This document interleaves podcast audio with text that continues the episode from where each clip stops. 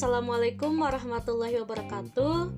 Shalom, Om Swastiastu, Namo Buddha, salam kebajikan. Halo semua, selamat datang di podcast Sosiologi Antropologi Club. Apa kabar hari ini? Semoga sehat dan bahagia selalu.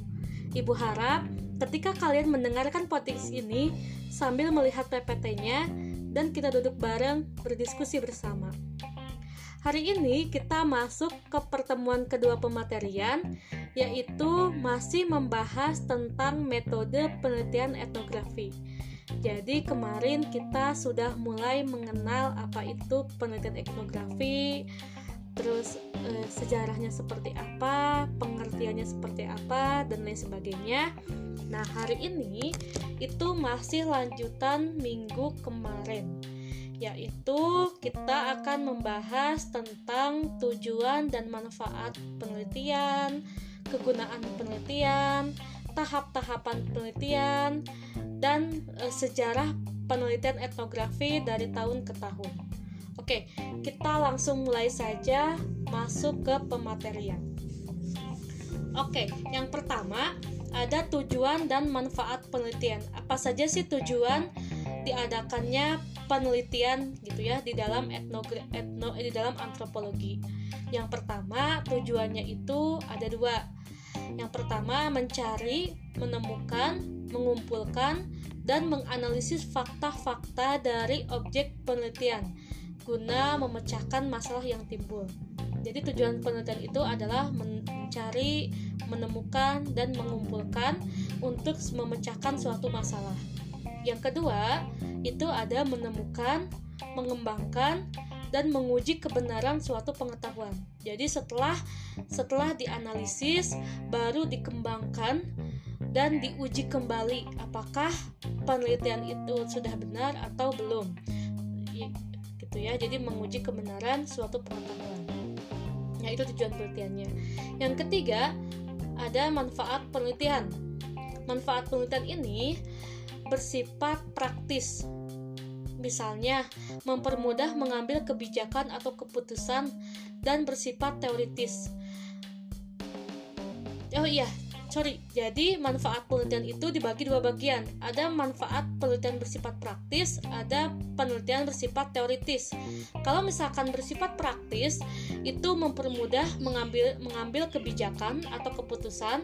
Sedangkan kalau misalkan bersifat teoritis, itu sebetulnya memperkaya mengembangkan kasana ilmu pengetahuan. Itu yang disebut dengan manfaat penelitian selanjutnya ada kegunaan penelitian. Jadi kegunaan penelitian itu untuk apa aja gunanya? Nah, yang pertama ada untuk penjajagan. Penjajagan itu adalah eksploratif, yaitu guna untuk mencari kemungkinan terbaik dalam memecahkan problem sosial, sehingga sifatnya masih mencoba dan terbuka. Contoh, misalkan upaya menanggulangi kenakalan remaja atau kemiskinan. Nah, ini kan e, memecahkan problem sosial gitu ya, memecahkan masalah sosial gitu. Nah, yang kedua ada deskriptif, yaitu berguna untuk mengukur cermat terhadap fenomena sosial tertentu. Contohnya, kayak misalkan penelitian tentang jumlah pengangguran atau misalkan pendapatan masyarakat e, dalam hal kerja. Nah, itu yang disebut dengan deskriptif. Yang ketiga, ada explanatory, yaitu berguna untuk menjelaskan sebab-sebab yang melatar belakangi suatu keadaan tertentu. Contohnya kayak misalkan pengaruh kemiskinan terhadap peluang hidup manusia. Jadi seberapa pengaruh sih kemiskinan terhadap e, hidup manusia.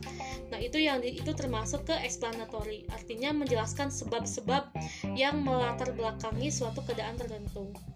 Nah, yang keempat itu ada evaluatif. Kalau evaluatif ini namanya juga evaluatif ya evaluasi. Yaitu berguna untuk mengetahui seberapa jauh tujuan yang ditetapkan pada awal program e, yang sudah tercapai. Misalkan e, penelitian tentang efektivitas dana BOS dalam mengurangi anak putus sekolah. Atau e, efektivitas e, penggunaan vaksin terhadap atau timbulnya e, gejala baru. Nah, itu disebut dengan evaluatif. Jadi, melihat seberapa jauh program yang sudah tercapai. jadi dievaluasi nah yang terakhir terakhir ada prediktif yaitu berguna untuk meramalkan kejadian atau fenomena sosial tertentu yang akan terjadi jadi yang akan terjadi Contohnya misalkan penelitian tentang akibat banjir lumpus lumpur panas sidoarjo. Atau misalkan e, penelitian tentang e, padat penduduk terhadap bencana alam terhadap kerusakan uh, atau terhadap timbulnya bencana alam misalkan kepadatan penduduk terhadap munculnya banjir nah itu kan prediktif ya yaitu berguna jadi meramalkan suatu kejadian terhadap fenomena sosial tertentu jadi kan kalau misalkan dalam suatu daerah itu padat penduduk uh, itu kan sudah pasti penyerapan airnya menjadi kurang dan ketika musim hujan datang bisa menyebabkan banjir. Nah, itu yang disebut dengan prediktif. Nah, selanjutnya kita akan masuk ke tahap-tahapan penelitian. Tahap-tahapan penelitian ini harus harus dipahami ya, karena e, ini sifatnya e, apa ya namanya tuh sifatnya tuh terstruktur ya. Jadi harus dimulai dari e, awal sampai akhir itu tidak boleh acak gitu. Jadi harus benar-benar paham terhadap tahap-tahapan pelatihan. Yang pertama, itu kita harus merumuskan permasalahan. Jadi, merumuskan permasalahan ini adalah suatu tahap yang tidak mungkin ditinggalkan. Akhirnya,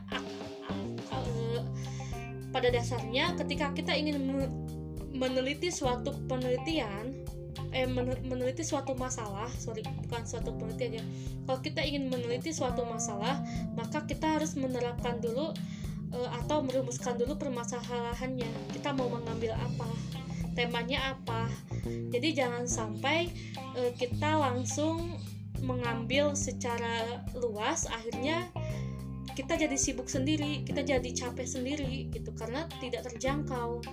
Maka harus dirumuskan permasalahan. Misalkan kalau kita mau mengambil tentang kemiskinan, maka kita akan fokus pada kemiskinan. Kalau kita mengambil eh, masalah tentang bisa mem, mem, memba, apa, mengambil masalah tentang pandemi maka kita cukup fokus di, di masalah pandemi saja. Jangan sampai kita mengambil eh, mengambil tema masalah sosial jadi akhirnya merambet ke mana-mana. Karena kan masalah sosial itu sifatnya luas. Kemiskinan juga masuk masalah sosial. Kriminalitas masuk masalah sosial. Uh, uh, apa lagi ya? Pandemi juga itu termasuk ke masalah sosial. Kalau kita mengambil masalah sosial, maka cakupannya luas. Kita akan capek, kita akan capek, kita akan lelah, dan tidak akan ada ujungnya penelitian kita. Nah, maka harus dirumuskan kita mau mengambil apa. Misalkan kita mengambil kemiskinan. Nah, ketika kita sudah merumuskan permasalahan, lalu kita akan merencanakan desain penelitian. Nah, desain penelitian ini itu digunakan untuk menganalisis fakta-fakta atau fenomena atau data yang relevan dengan disiplin ilmu. Ketika kita mengambil tentang kemiskinan, maka kita akan mencari fakta-fakta kemiskinan di Indonesia seperti apa. Apa yang melatar belakangi kemiskinan di Indonesia melesat e, datanya seperti apa data dari BPS seperti apa apakah tahun ini ada kenaikan atau tahun ini ada ada penurunan. Maka ketik jadi kita udah fokus. Fokusnya itu adalah kita mulai mencari fakta-fakta yang berhubungan dengan uh, kemiskinan. Fakta-faktanya datanya dan juga uh, fenomenanya ya yang yang berkaitan dengan uh, dengan tema yang kita ambil. Nah, setelah kita udah merencanakan desain penelitian, baru kita mengumpulkan data. Nah, jadi mengumpulkan datanya sudah jelas. Kalau kita tadi mengambil kemiskinan, maka datanya itu pasti jelas. Data misalkan eh, tahun tahun 2018 ada sekitar misal ya 100 eh, orang yang eh, terdampak kemiskinan. Tahun 2019 maju menjadi 1500 atau e, dan tahun 2020 mengalami peningkatan yang sangat pesat ya karena ada pandemi. Nah, jadi e, kita udah jelas datanya akan akan jelas gitu. Datanya akan jelas dan akan terlinci gitu ya. Nah,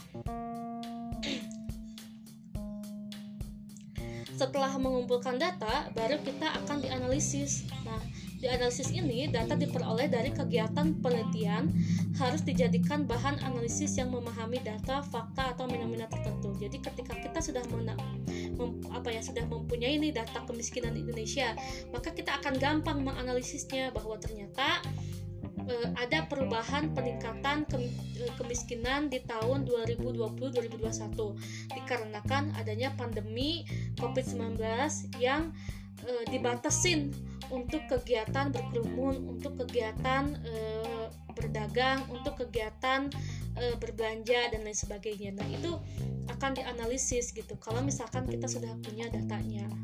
Nah, yang terakhir adalah merumuskan kesimpulan. Nah, merumuskan kesimpulan ini didasarkan pada e, data, fakta itu uh, yang telah dianalisis. Jadi kesimpulan itu adalah hasil dari uh, fakta dan data yang sudah kita analisis baru ditarik kesimpulan. Jadi misalkan kesimpulannya adalah kemiskinan di Indonesia uh, naik pesat pada tanggal pada tahun 2020-2021 dikarenakan adanya pandemi COVID-19 bla bla bla bla bla gitu. Paham kan ya? Jadi tahapan-tahapan penelitian itu ada lima. Yang pertama merumuskan masalah jadi kita mengambil dulu e, masalahnya mau apa yang akan kita kaji. Terus yang kedua ada desain penelitian jadi kita sudah mulai menganalisis tentang fakta-faktanya atau fenomena atau data yang relevan dengan disiplin ilmu. Terus yang ketiga ada mengumpulkan data. Mengumpulkan data ini biasanya lewat observasi atau lewat e, lewat statistik atau misalkan lewat e, wawancara dan lain sebagainya. Lalu setelah mengumpulkan data langsung ke analisis. Jadi dari dari data internet, dari data perorangan itu dianalisis. Terus yang terakhir adalah ditarik kesimpulan. Jadi kesimpulannya itu apa? Nah, kita akan masuk ke penelitian ilmiah. Penelitian ilmiah ini dibagi menjadi tiga bagian jadi ada penelitian ilmu alam, ada penelitian ilmu sosial, dan juga ada penelitian antropologi. Kalau misalkan penelitian ilmu alam itu dilakukan untuk mencari sebab akibat timbulnya suatu kejadian.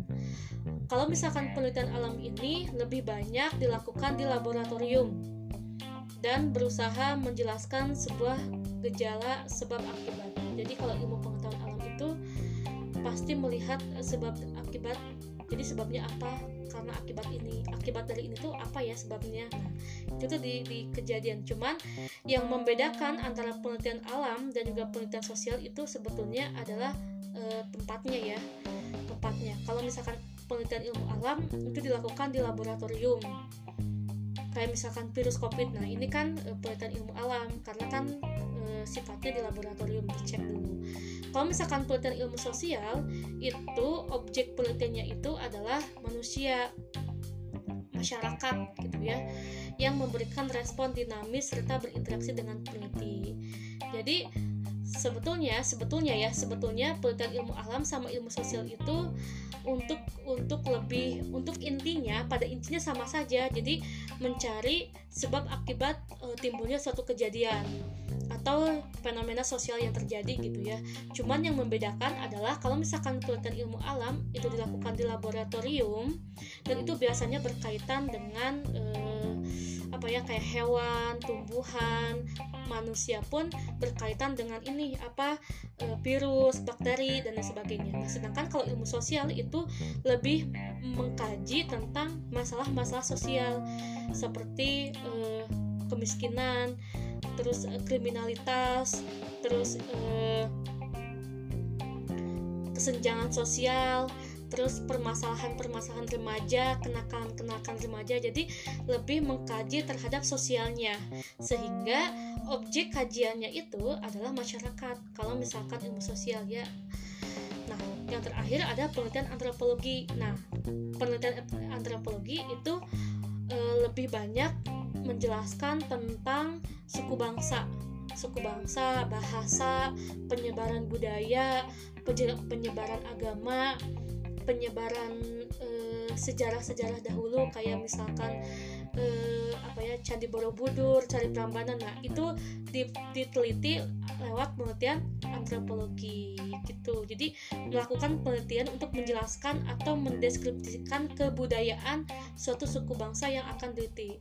Jadi kalau penelitian antropologi itu lebih ke budayanya. Jadi meneliti tentang kebudayaan, meneliti tentang bahasa, agama, eh, suku bangsa dan lain sebagainya.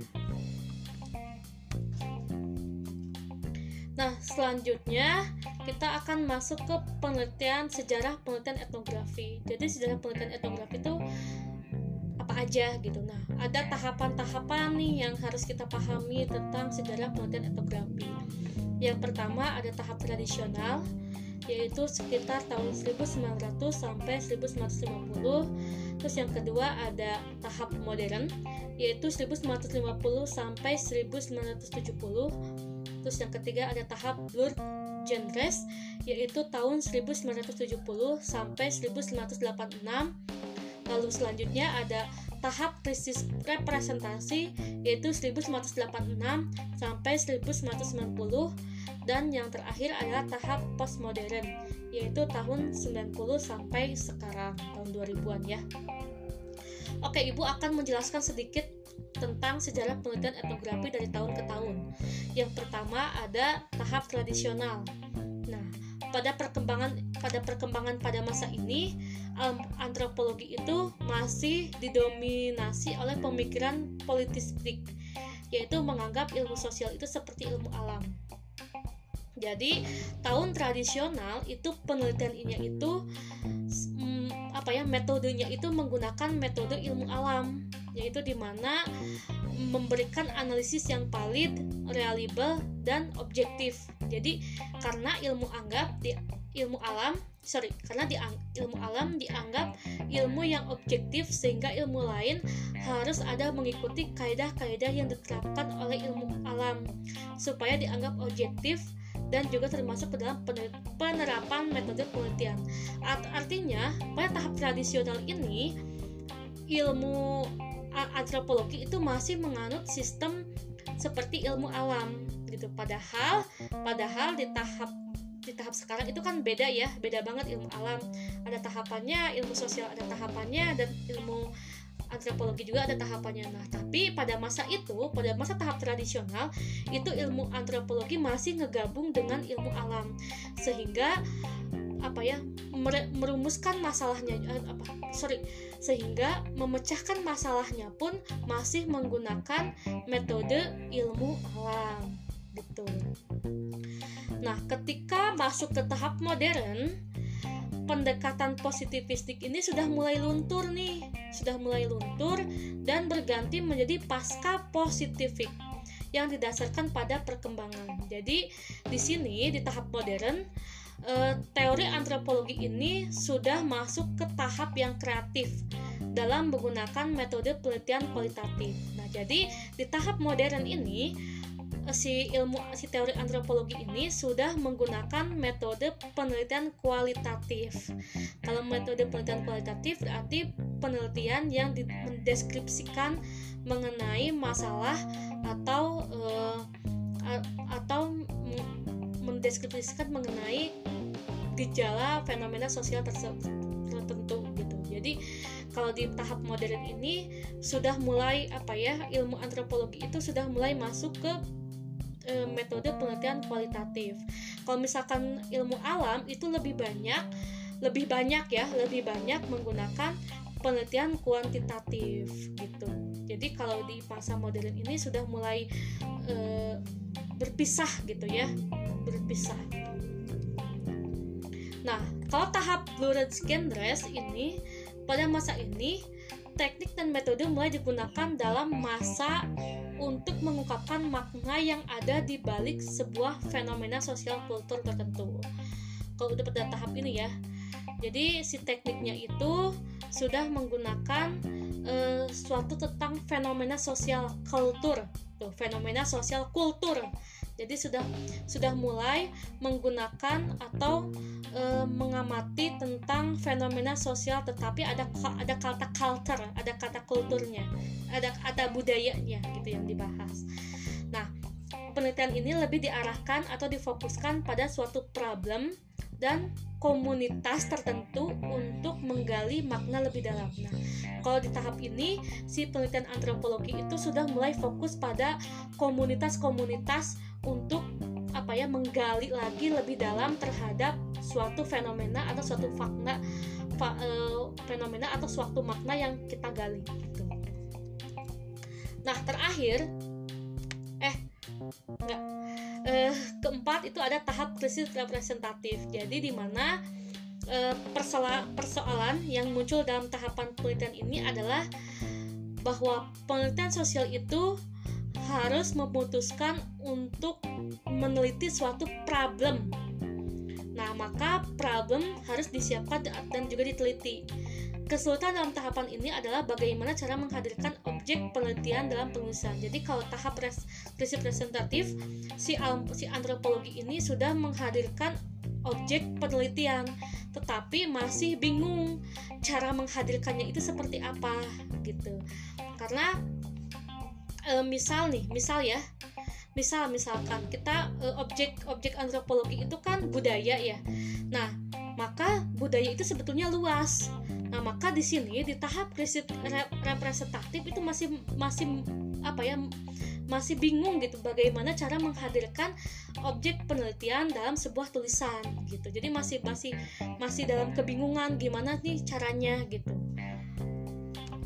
Nah, yang terakhir adalah tahap postmodern. Kalau tahap postmodern ini adalah si metode penelitian kualitatif ini sudah menghadirkan suara kaum pinggiran yang sebelumnya jarang didengar. Maksudnya, penelitian sudah digunakan untuk memecahkan suatu masalah yang dihadapi oleh masyarakat tertentu dengan kebudayaan atau negara. Nah, dalam perkembangan metode ini memang diarahkan untuk bisa memberikan suatu interpretasi terhadap suatu gejala berdasarkan makna yang diberikan oleh manusia. Oleh karena itu, studi kasus dan pengalaman pribadi menjadi alat penting untuk memahami perilaku manusia. Berbagai metode pun dilakukan untuk memperoleh pemahaman yang mendalam tentang suatu fenomena sosial. Nah, jadi kalau di tahap postmodern ini, tahap met, eh, metode penelitian kualitatif itu sudah sempurna. Jadi metode penelitian kualitatif dalam ilmu antropologi itu sudah sudah sangat sempurna di tahap postmodern ini karena sudah menghadirkan objek, sudah bisa menghadirkan objek dalam sebuah tulisan dan juga sudah apa ya, sudah sudah bisa memecahkan masalah yang sedang eh, apa ya, yang sedang tren di masa kini gitu atau sudah bisa memecahkan fenomena-fenomena sosial itu lebih mendalam. Jadi di metode ini itu sudah sudah bagus gitu sih sudah sudah sempurna gitu di antara tahapan-tahapan yang lainnya. Seperti itu sejarah perkembangan teori eh, penelitian etnografi. Semoga bisa dipahami. Ini mah kuncinya harus lebih banyak membaca sih, lebih banyak membaca. Kalau misalkan masih kurang, masih belum paham, bisa tanyakan ke ibu atau bisa mencari di internet gitu ya. Kalau misalkan masih ma kalau menurut kamu masih kurang dalam memahami. Terima kasih sudah mendengarkan podcast ini. Sampai jumpa di podcast selanjutnya. Wassalamualaikum warahmatullahi wabarakatuh.